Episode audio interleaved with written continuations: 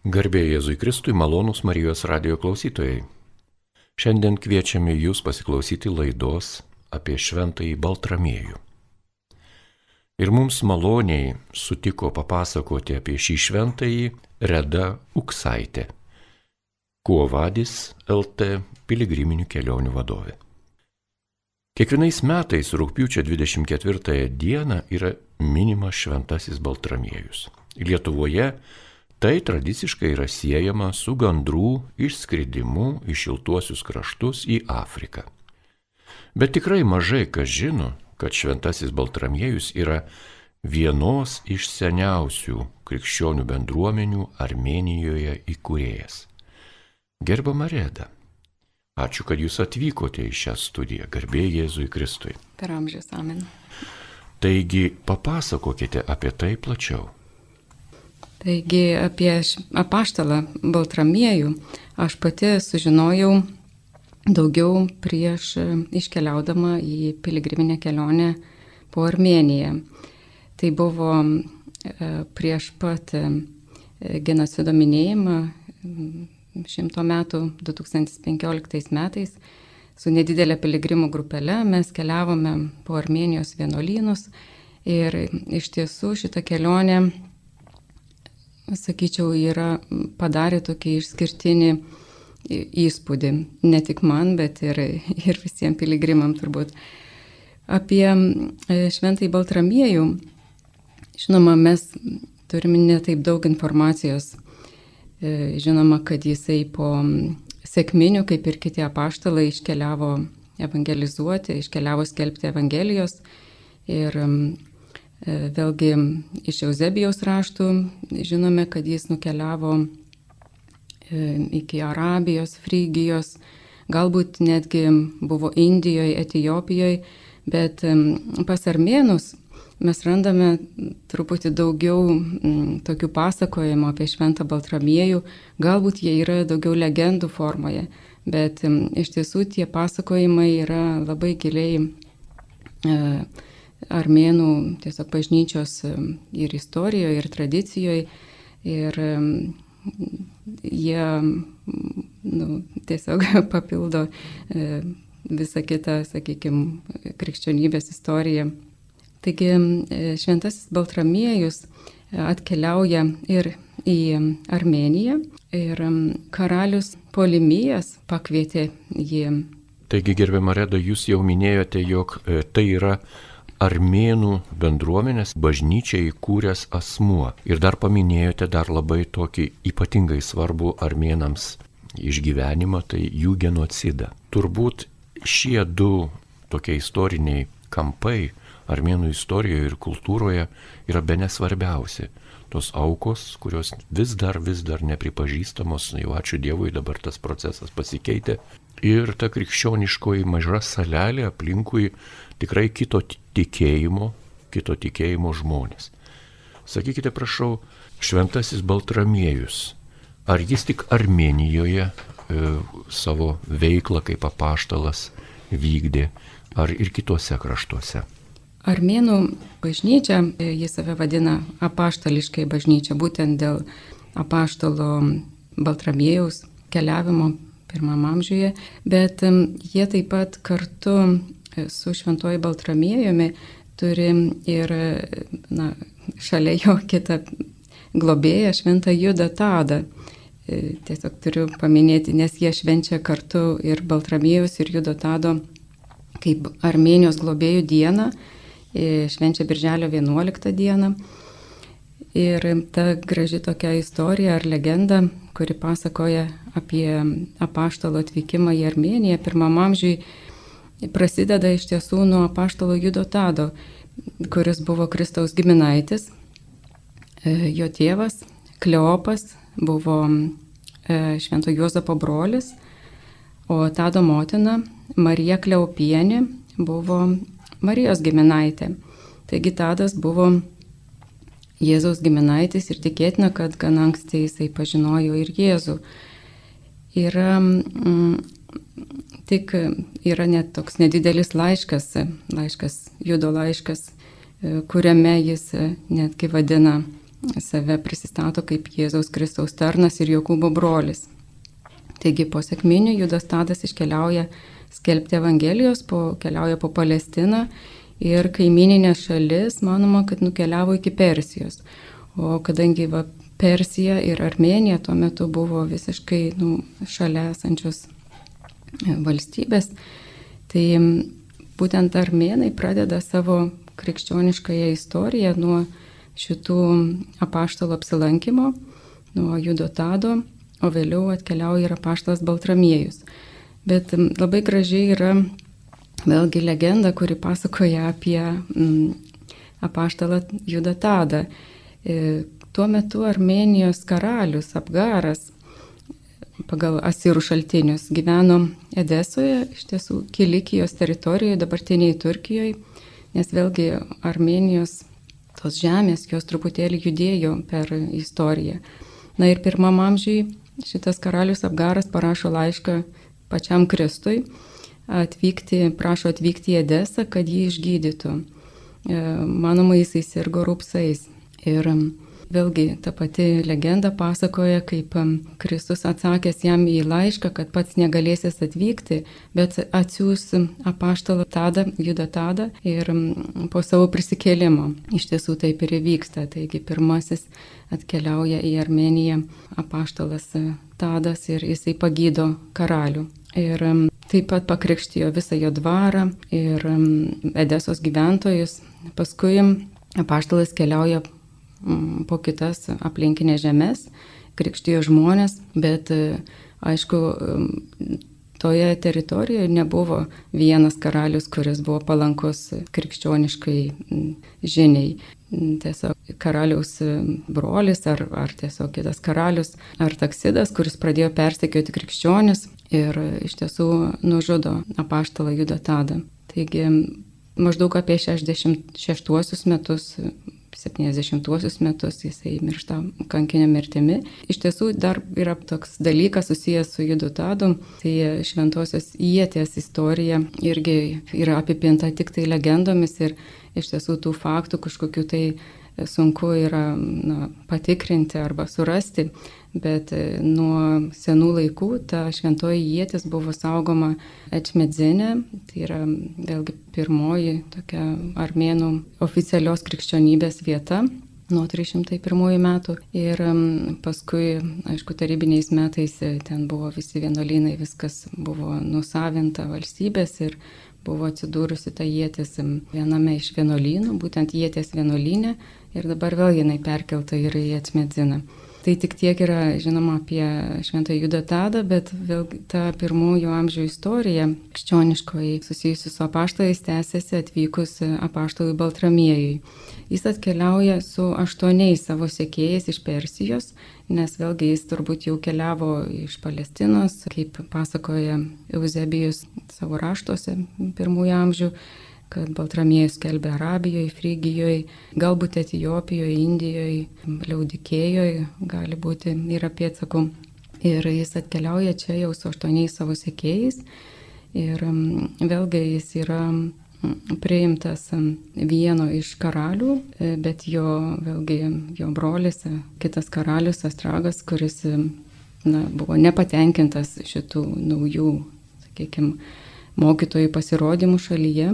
Juos, e, aišku, vėlgi jie tampa pirmaisiais krikščionių kankiniais. Šventas Baltramiejus buvo įkalintas ir paskui, na taip, gana žiauriai nužudytas nuderint gyvam jam odą, tai vėlgi toks, sakykime, vienas iš pirmųjų kankinių tokia skaudžia mirtimi.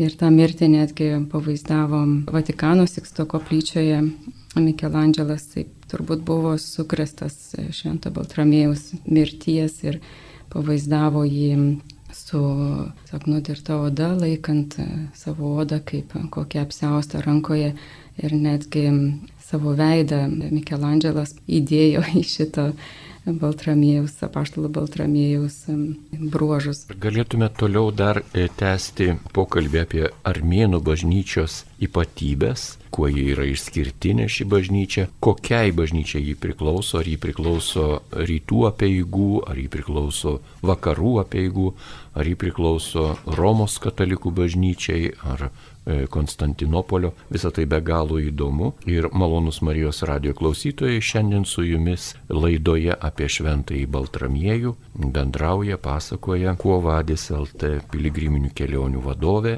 Reda Uksaitė. Ja kalbina Liutauras Serapinas. Tai gerbiama Reda, Armėnų bažnyčia, mes taip vadinam Armėnų bažnyčia, bet tai turbūt reikėtų sakyti krikščionių bažnyčia, taip. Taip, Armėnų apaštališkoji krikščionių bažnyčia jau kaip kalbėjom, kad pirmieji paštalai Judas Tadas ir Baltramiejus atkeliauja pirmam amžiui ir paskelbė gerąją žinę, bet apie beveik 300 metų iki 301 metų ten ta žinia buvo pogrindyje, kaip ir visur kitur. Ir Romos imperijoje, bet vėlgi mes galim pasidžiaugti, kad būtent Armenija anksčiau negu Romos imperija paskelbė krikščionybę oficialią to šalies religiją dar 301 metais, tuo tarpu, kai Milano ediktas buvo 314 metais. Ir toks dalykas yra, kad persekiojami krikščionės e, Diokleciano laikais ypatingai rasdavo prieglopsti netgi Armenijoje, nes ten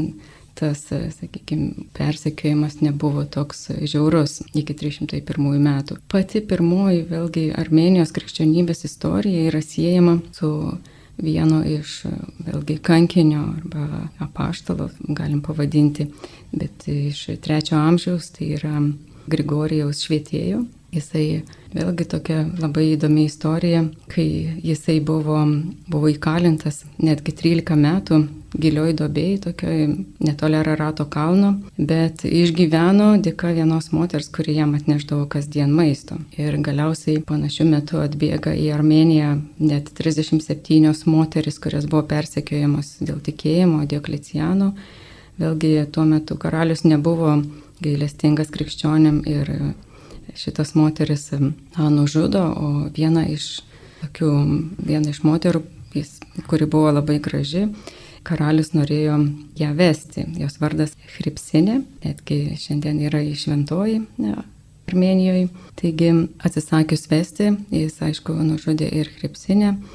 Ir ta istorija buvo lemtinga tuo, kad po šitų žudynių tas karalius Tiridatas III susirgo nu, gana tokia sunkia lyga, kuri šiandien vadinama yra šizofrenija, bet jis matė save kaip kokį tai, nu, kaip gyvulį, kaip laukinė meška jautėsi ir niekaip negalėjo nuo to pasveikti. Ir vėlgi būtent jo sesuo liepė melstis į krikščionių dievą ir nes jį matė kaip bausmę už tų moterų nužudimą. Ir tada jie susirūpino, nuėjo pasižiūrėti, kaip ten, ar dar yra gyvas tas Grigorijus, kuris buvo įmestas į tą gilų šulinį, įkalintas dėl savo tikėjimo. Ir vis, jis dar buvo, vis, vis dar buvo gyvas, taigi atvedus Grigorijų pas karalių, jisai savo maldomis jį išgydo iš tos lygos ir iš tiesų tas stebuklas toks lėmė, kad būtent šitas karalius, Tiridatas III, paskelbė krikščionybę 301 metais oficialią religiją arba nebepersekėjo krikščionių. Iš tiesų nereikėjo labai daug pamokslauti ir tam Grigorijui švietėjui. Manoma, kad jis apie, gal apie 60 dienų kažkas suskaičiavo, dar pamokslavo aplinkui, nes iš tiesų visa šalis jau žinojo nuo pirmųjų amžių, nuo pirmųjų paštalų, žinojo apie, apie Kristų, apie gerąją naujieną. Ir, ir, žodžiu, atsivertė visa šalis į krikščionių tikėjimą. Ir kuo skiriasi armėnų bažnyčia, jeigu ji prasideda nuo 301 metų, ji žinoma yra ta pati krikščionių bažnyčia, pripažįsta tą patį šventą raštą, evangelijas, pagrindą visų krikščionių. Ir armėnų bažnyčia taip pat dalyvavo ir visuotiniuose bažnyčių susirinkimuose, dalyvavo trijuose, bet ketvirtajam visuotiniam susirinkime armėnų bažnyčia įvyksta toks, kaip pasakyti, skilimas kartu su Jekobitų bažnyčia ir Aleksandrijos patriarchų, jie tarsi sulaužo Feso nutarimą dėl Kristaus dviejų prigimčių. Ir, na, taip tiesiog nutrūko ryšys su, su Romos popiežium. Tai buvo vėlgi 451 metai. Ir taip tiesiog yra pavadinami tie patriarchai, kurie atsiskyrė, kurie nepripažino tų dviejų Kristaus prigimčių monofizitais. Tačiau pati armėnų bažnyčia, jie nelaiko savęs monofizitinė bažnyčia, bet daugiau miefizitinė. Ką reiškia vėlgi tas žodis? Armėnai atmeta tuos du kraštutinumus, tai yra istorijos dogma, kuri sieja mm, Kristų su žmogiška prigimtim, tik tai, ir Euticho dogma, kuris jėsi tik su dieviška prigimtim.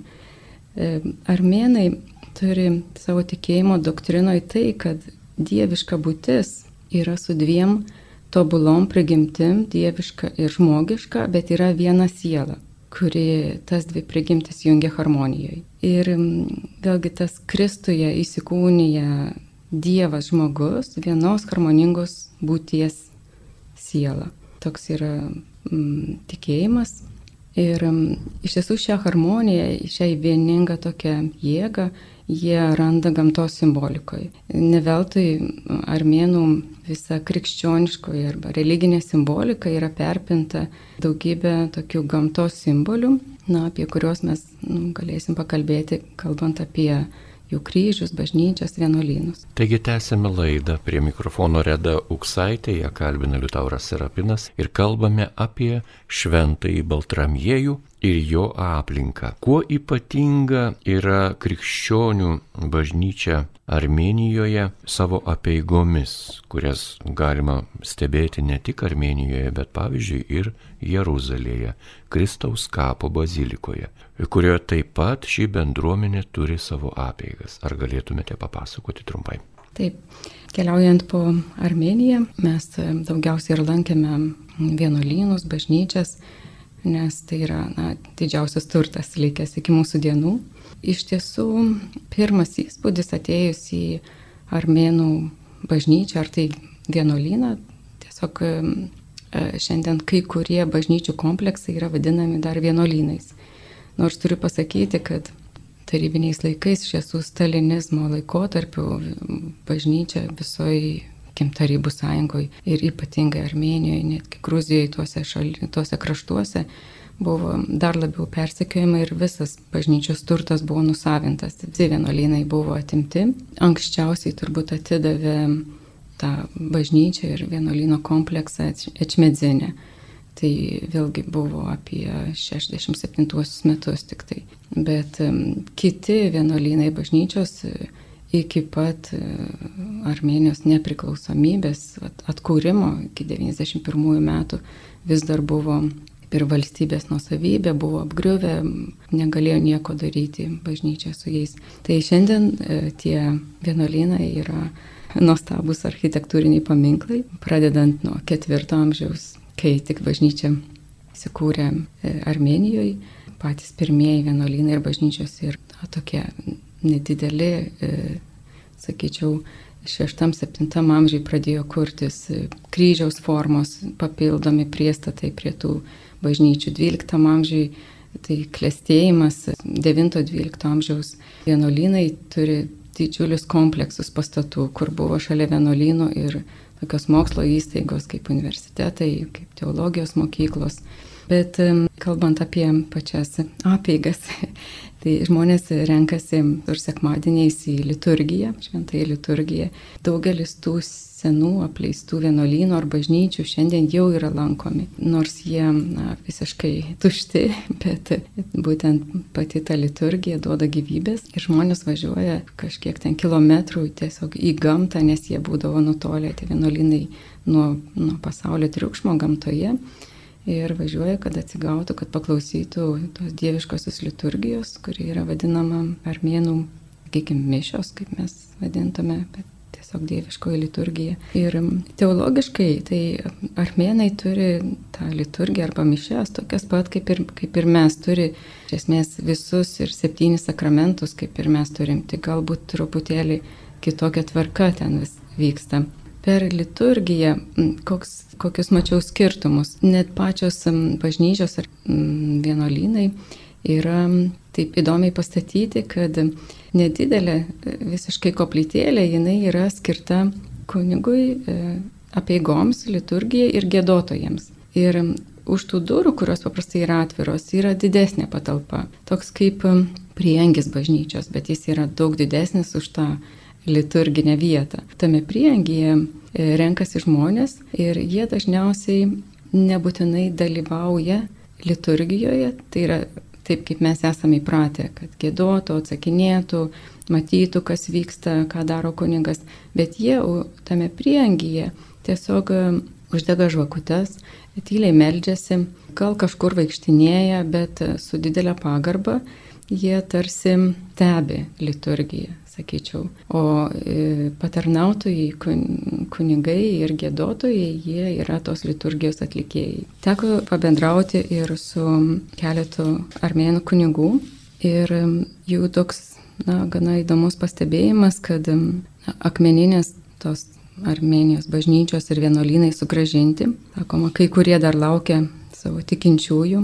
Dar toks faktas, kad ne tuo metu dar nebuvo nei vieno vienuolyno atsikūrusio. Tai yra patys pastatai atiduoti, bet kaip bendruomenių, vienuolynų dar nesuspėjo jie susiformuoti, neatsirado dar pašaukimų, dar tik tai atsigauna pats tikėjimas. Ir šito kunigo mintis buvo tokia, kad armėnų krikščionybė yra tokia sena ir iš tiesų tokia gili, kaip labai gilus šuliniai, e, iš kurių gali pasisemti nedaugelis. Tai yra labai sunku pasemti arba nedaugelis pasisėmė to e, gėlo vandens, kuris yra labai giliai tuose šuliniuose na, tos įtikėjimo lobios. Na, visa šita kaimenė, visi tie tikintieji, kurie tik sugrįžta į bažnyčią, yra kaip, nu, kaip tos avelės, kurios dar maitinamos pienu. O taip gražiai išsireiškia vienas kuningas, kuris irgi keliauja paprastai į tuos vienuolynus, bent sekmadieniais, kad atliktų šventąją liturgiją ir kad žmonės po truputėlį prisipratintų, sugrįžtų, sugrįžtų į krikščionybę iš esmės, kuri buvo sugriauta tarybiniais metais. Nes Baltramėjaus, nežinau kaip jo relikvijas, ten, nežinau, 10 amžiai, kada ten karalius Otas padaunojo Romai Švento Baltramėjaus relikvijas, jos kažkokiu tai būdu atsidūrė Italijoje ir dabar jos yra Švento Baltramėjaus bažnyčioje Romoje, Tibro saloj. Ir dar kas yra įdomu, kad ta bažnyčia Romoje yra skirta naujųjų laikų kankiniams. Ir ten taip pat yra mūsų palaimintojo Teofilio Matulionio relikvijos. Malonus Marijos radio klausytojais girdite laidą, kuri yra skirta šventajam Baltramiejui atminti. Šioje laidos dalyje jūs išgirsite dainą iš kompaktinės plokštelės armėnų folklorinės dainos, kurias atlieka Saghmos choras. Girdėsite byrančių grūdų dainą.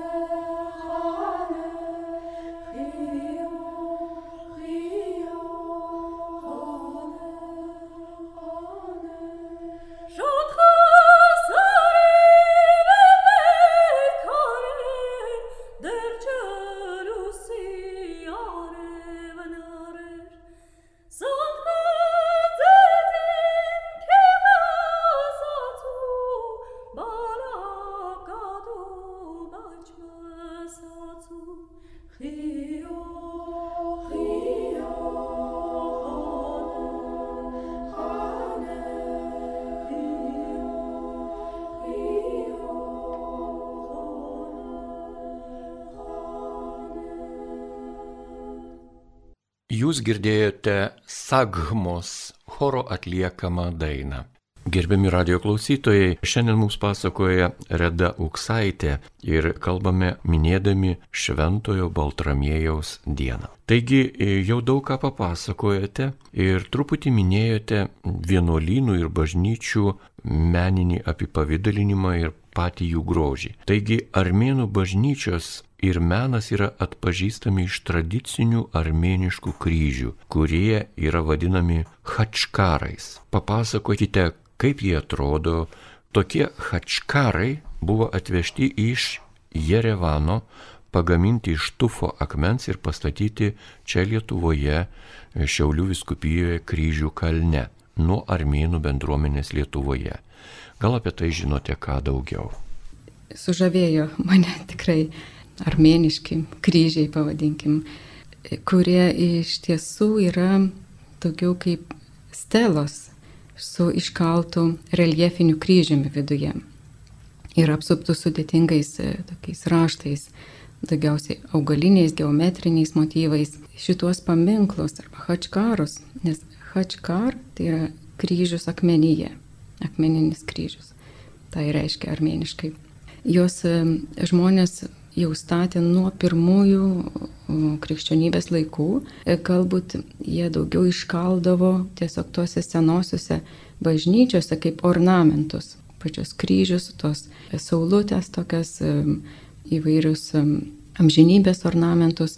Ir tarp tų ornamentų yra randami tokie vaisiai kaip vynogės, granatos. Ir asmeniškai asocijavosi su žydų architektūros simboliais. Dar tokių dalykų kaip um, Armenijos bažnyčioje nėra jokių freskų, jokių paveikslų, jokių dievo atvaizdų, vėlgi sakyčiau, ir tuo atžvilgiu armėnų bažnyčia yra artimiausia judaizmui savo bent išorinę mm, struktūrą arba apivydalinimu. Taigi hačkarai daugiausiai jų pradėta gaminti maždaug nuo 9 amžiaus ir jie yra seniausi tokie randami Armenijoje, buvo statomi ir kaip ankapiai mirusiems sielų išganimui. Taip pat paminėti tam tikrus e, įvykius. Pavyzdžiui, pastat, būna pastatyta bažnyčia ar vienuolynas ir būtinai būdavo pastatomas tas hačkaras kaip atminimo tokia lenta. Yra iki šių dienų išlikę net apie 40 tūkstančių hačkarų arba kryžių, tų stelų. Kai kuriuose vienuolynų kiemuose būdavo tiesiog didžiulis laukas, tiesiog po atvirų dangum sukrauta nu, tiesiog sudėliota ant žemės tų nuostabiausių raštų hačkarų. Ir iš tų 40 tūkstančių nei vienas nėra identiškas, nes visi yra tiesiog rankų darbo. Tas amatas hačkarų, sakykime, kalimas iš akmens, iš, jie kaldavo iš vietinio akmens, kokį jie ten rasdavo. Būdavo perdodamas iš kartos į kartą ir, ir taip tiesiog tėvas sūnui ir, ir taip toliau. Bet to kryžiaus hačkaro pagaminimas priklausė, aišku, ir nuo tam tikrų simbolių, kurie buvo naudojami iš kartos į kartą, bet ir nuo to menininko, sakykime, fantazijos ar idėjų. Šiandien sunku mums viską išaiškinti tą simboliką, bet ji, kas svarbiausia, kad visada yra ratas, kuris yra simbolizuoja amžinybę arba žemę ir kryžius yra tarsi gyvybės medis, tačiau jo šaknis dažniausiai būna sparnų formos. Vėlgi tas krikščioniškas kryžius kuris reiškia ir gyvybės medį, galbūt iš pagoniškų laikų kai kas siejas su stelomis, bet šitas kryžius, jisai yra su sparnais. Jis iš karto jau simbolizuoja prisikelimą. Ir vėlgi kryžius tarp dangaus ir žemės, tas ryšys, Dievo ir žmogaus ryšys, kuris yra įamžintas būtent šiuose gražiuose kryžiuose. Tęsėme pokalbį ir tų įdomybių pamatyti Švento Baltramiejaus įkurtoje bendruomenėje Armenijoje turbūt yra ne viena. Paminėsiu tik keletą. Armėnų bažnyčios vadovas, vyskupas yra vadinamas katalikosų. Gal porą žodžių apie tai, kodėl jisai taip vadinamas. Taip, armėnų bažnyčios e, galva, kaip mūsų popiežius, taip pas juos yra katolikosas. Katolikos tai yra visuotinumas, mes tai žinom ir todėl galima e, turbūt ir armėnų bažnyčią pavadinti, kad kataliko, nes vėlgi vadovas katalikosas. Jo įpėdinystė vėlgi siejama yra su apaštalais apaštalų Baltramiejum ir apaštalų Tadų. Ir pirmasis sostas Atmedzinė, vėlgi nuo Georgijaus švietėjo laikų. Būtent katolikosas yra renkamas iš dviem etapais. Išrenkami yra penki vyskupai, paskui iš tų penkių vienas vyskupas ir tada susirenka dar dvylika vyskupų, kurie patepa šventąją myrą, šventoje aliejum vyriausiai savo vyskupą katolikosą. Tai yra kaip dvasinis vadovas visai armėnų bažnyčiai ir ne tik tai pačioje Armenijoje, visame pasaulyje esantiems armėnams tikintiesiems yra dvasinis vadovas, būtent Armenijos atšmezino katolikosas. Šiuo metu yra Karekinas II ir Armenijos atšmezino katolikosui priklauso, kaip priskaičiuojama, yra 6 milijonai tikinčiųjų. Bet iš tiesų Armenijoje šiuo metu gyvena tik 3 milijonai gyventojų. Vėlgi ta skaudė jų istorija, kai Armenija iš buvusios didžiulės karalystės tapo viena iš mažiausių šiandien valstybių, kurios beveik, na, iš viso armėnų priskaičiuojama pasaulyje 12 milijonų, o Armenijoje gyvena tik tai 3 milijonai. Tai labai daug armėnų yra išeivijoje, tai vėlgi tas ryšys visų armėnų, kurie yra išblaškyti po visą pasaulį, greičiausiai vėlgi ir po, ir po genocido 1915 metais, ir po visų tų karų, kurie vyko vėliau. Tai katolikosas yra tas dvasinis vadovas, kuris apjungia armėnus visame pasaulyje, nežiūrint to, kad yra atskiros, atskiri patriarchatai armėnų, kaip pavyzdžiui Jeruzalėje, arba Konstantinopolį, dar Kilikijoje jie turi patriarchatą, bet vis dėlto šiuo metu jie mm, pripažįsta kaip dvasinį vadovą Atšmedzino katolikosą.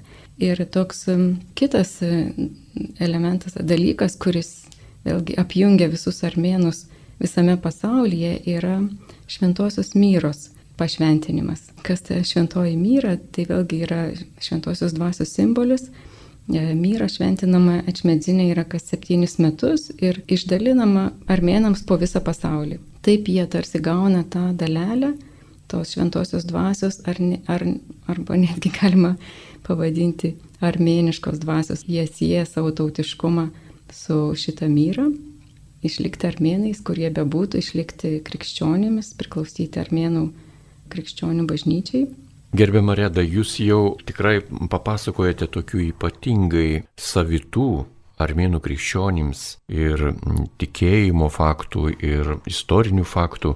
Paminėjote vieną tokių kraupiausių jau išgyventų istorijų, tai būtent armėnų konfliktą su dabartinė Turkija arba tuometinė Turkija, kaip pavadinsi, čia gal istorikai labiau gali patikslinti bet e, šio konflikto pasiekmes buvo baisus genocidas, nusinešęs milijonų žmonių gyvybių auką ir ta auka labai skaudi ir iki šiol ji yra gyva žaizda ir ta gyva žaizda, kaip matome mes, kartais politikų yra neužjaučiama arba kitaip tariant, na, toliau aitrinama ir, ir tas skausmas jisai vis, vis, vis atsikartoja ir atsikartoja. Žinoma, suprasti tuos procesus, kurie tuo metu vyko iš dabarties, gal nėra labai tikslu ir mes turėtume turėti labai daug, labai daug sumanumo labai daug išminties, kad galėtume įvertinti ir tikrai pasakyti viską taip, kaip reikėtų, bet tikrai apgailestaujame, kad žmonės vis dar krikščionių vardu daro blogį, apgailestaujame, kad krikščionims daromas yra blogis ir šiuo metu ir kenčiama, ir yra aukos ir taip toliau. Taigi kaip krikščionių bendruomenė gyvuoja Armenijoje šiais laikais, kaip jį išgyvena tas praeitie žaizdas, kaip keliasi iš skausmo, kaip randa vilties savo. Dar porą žodžių laidai besibaigiant gerbiamą redą. Tai po šitos kelionės po Armeniją aš dar ilgai galvojau ir nešiojausi širdyje tuos patyrimus, kurie buvo tokie dviprasmiški. Gatvėse, e, miestuose žmonės be šypsenų, sakyčiau, labai daug tarybinio palikimo, labai daug tokių uždarumo, turbūt skausmo žmonių veiduose buvo galima žiūrėti. Ir tiesiog parašiau tokius atminimus įvardyjusi Armenijos sielvartai ir pasididžiavimai. Iš tiesų armėnai turi labai daug ko didžiuotis. Ypatingai muziejai yra prikrauti daugybės turtų. Viskuo jie gali didžiuotis ir savo buvusią valstybę, ir savo alfabetų senų, savo kalbą. Bet sielvartas yra tame, kad jie išgyvena tos patirtus skausmus ir ypač stipriai išgyvena patirtą genocidą 1915 metais. Yra daug tokių istorinių dalykų, kurie privedė prie to genocido. Jis net neatsirado taip staiga. Tiesiog buvo tokios istorinės aplinkybės, kai Osmanų valdomi armenai buvo tiesiog jų teritorija, jų žmonės buvo suskaldyti, išbarstyti po visą, sakykim, tuo metinę Osmanų Turkijos teritoriją ir dalelę gyveno va, dabartiniai Armenijos teritorijoje. Kai kilo pirmasis pasaulinis karas 1914 metais, turkai stojo į karą prieš anglus, prancūzus ir rusus, o viena dalis armėnų gyveno rusų valdomoj carinės Rusijos teritorijoje, o kita dalis daugybė buvo tokių salelių armėnų gyvenamų Turkijos teritorijoje, kurie kovojo prieš Rusiją. Ir pamatė turkai, kad mobilizavo visus vyrus į karą ir pamatė, kad daugybė armėnų jie turi tiesiog kovoti prieš savus, kurie yra Rusijos pusėje. Toks yra va, tas istorinis kontekstas pirmo pasaulinio karo metu. Ir tada buvo įsakymas per dvi dienas armėnam palikti Turkijos teritoriją. Jų buvo labai daug gyveno įvairiose vietose. Ir aišku, net nebuvo laukiama, kad jie iškeliautų, tiesiog buvo išsiunčiami į dykumą, ėjo minios žmonių, išplukdomi į jūrą laivais, tiesiog išplukdomi. Koncentracijos stovyklų buvo sukurta ten 25. Ir iš tiesų e, žuvo apie 2 milijonai armėnų per šitą, sakykime, išvalymą Turkijos nuo armėnų ir apie 600 tūkstančių išgyveno šitą genocidą, kurį gali, gali liudyti, gali papasakoti. Aišku, Turkija pralaimėjo karą ir buvo nustatyta, kad ta jaunoji Turkija vykdė genocidą, buvo nubausta kažkiek žmonių, kiti pabėgė į vakarus ir aišku, toliau prasidėjo tas kitas, kitas visiškai etapas, kai bolševikinė Rusija 17 metais jau tiesiog paima Armenijos teritorijos dalį ir jiems, nu, leidžia susikurti tarybinę Armeniją. Tai buvo 20 metai. Vėlgi, tai dar vat, praėjus šimtui metų vis dar yra jaučiamos didžiulės pasiekmes ir